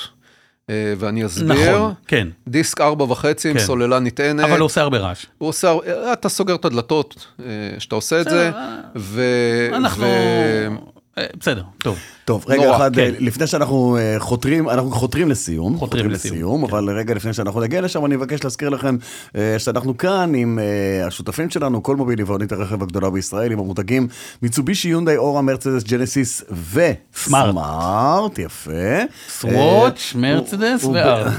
כן. סוואץ' מרצדס ארט, ובגלל המצב הביטחוני, כל מוביל הקימה מערך סיוע ללקוחות שלה, שנקרא כל מוביל איתך בדרך 24/7, אתה עם האופנוע שלך לא נחשב שם, אבל הם, אבל- הם עושים אבל את העבודה, רכב. הם עושים את העבודה בדיוק, זה מערך שירות שמיועד לכל המותגים של כל מוביל ולכל שנות מודל המכוניות שלכם, ולא משנה על איזה מכונית מדובר, אה, ובאיזה שנה יוצרה או עלתה על הכביש, וגם לזה יש חשיבות בביטוח, מתי עלתה ומתי לא עלתה ועוד ועוד, אה, אבל מה השירות הזה כולל? זה תפעול אה, בתיקון של פאנצ'רים, סיוע בתקלות של התנעה, אם צריך לטעון רכב חשמלי כי... הופה. כי הייתה הפסקת חשמל כשהלכתם לישון והאוטו לא נטען לו בלילה, אה, חילוץ חס וחלילה, יש אה, אבחון של נוריות שנדלקו. בקיצור, אפשר גם לקבל תשובות לשאלות בנושא תפעול של הרכב, מערכות בטיחות, ביטוח אפילו, הם נותנים שם ייעוץ אם ועוד יש לי ועוד. יונדאי עם כתמי בטון, או, שאלה מצוינת. אוקיי. תתקשר, כוכבית 6858. תרשום, תרשום, תרשום את זה. כוכבית 6858, שאלה במקומה. תקשיב, מתוך אלף שאלות שהוא שואל, יש תמיד אחת שהיא ה. אז זאת השאלה ה, אתה יודע ה, מה- ה. אתה יודע מה הדבר הראשון שישאלו אותך, האם תיעדת? כן, והתשובה היא לא. אה, ואז הוא ישאל מה צריך לעשות עכשיו. אז כן, כוכבית 6858 בכל שעה, בכל יום שבו יממה, כל מוביל תהיה איתכם ותסייע.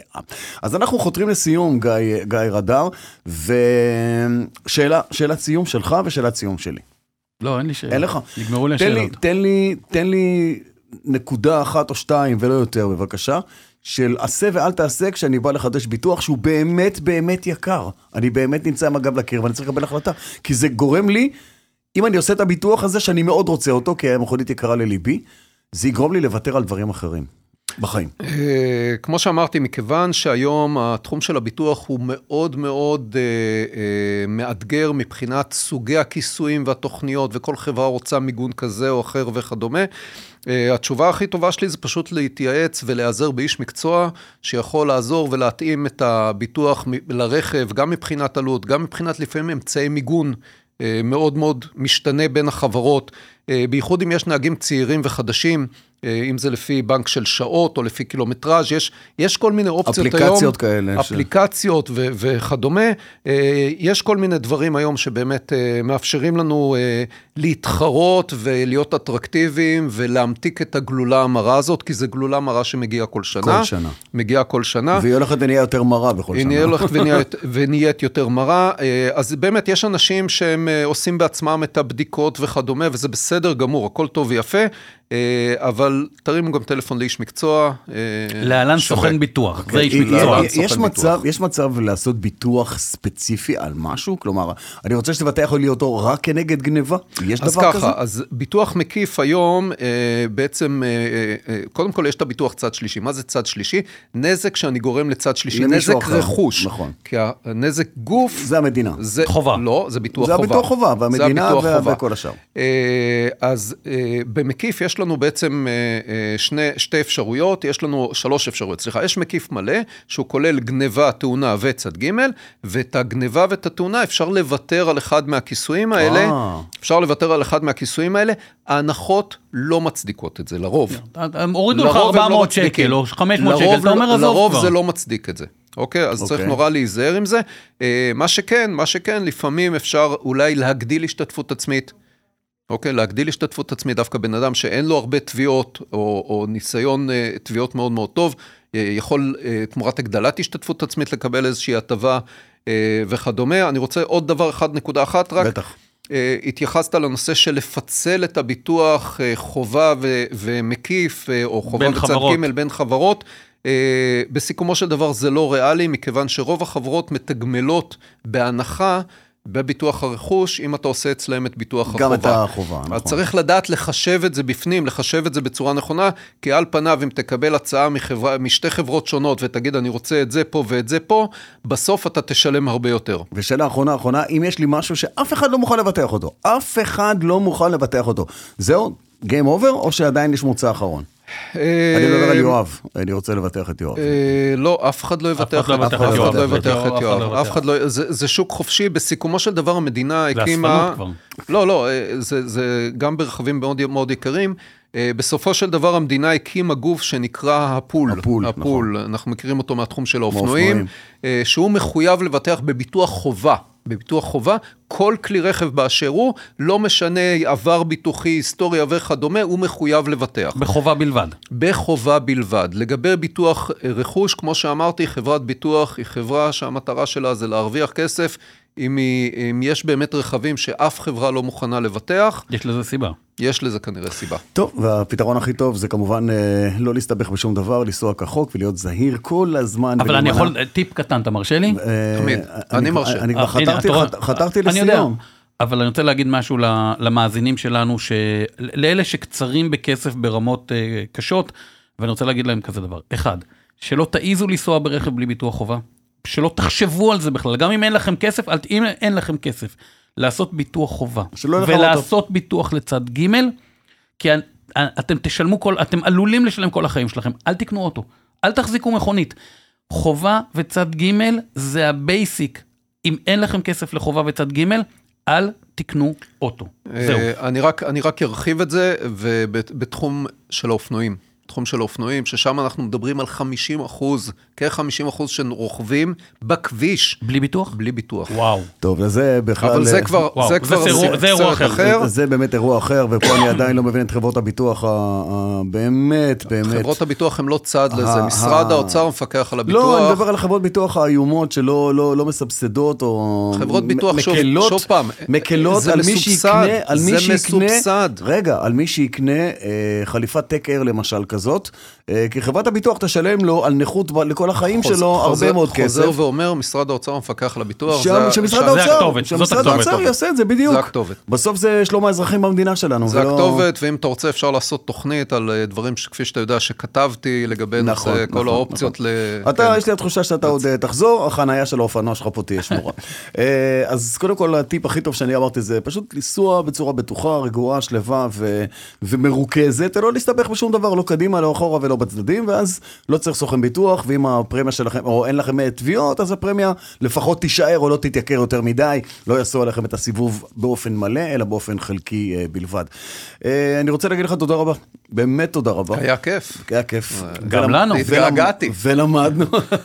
הוא גם חיית תקשורת. נוסף להכל, הוא גם חיית תקשורת, הרדאר הזה. אז uh, היה כיף גם לארח אותך וגם למדנו, וכמו שאמרתי, יש לי תחושה שאנחנו עוד uh, ניפגש בהמשך uh, בכמה עניינים. Uh, ואם יש לכם שאלות, אז uh, גם אלינו, גם אל גיא, חפשו את גיא בפייסבוק, נכון? אפשר למצוא אותך גיא בפייסבוק? גיא רדאר, רדאר, גיא סוכן רדאר ביטוח.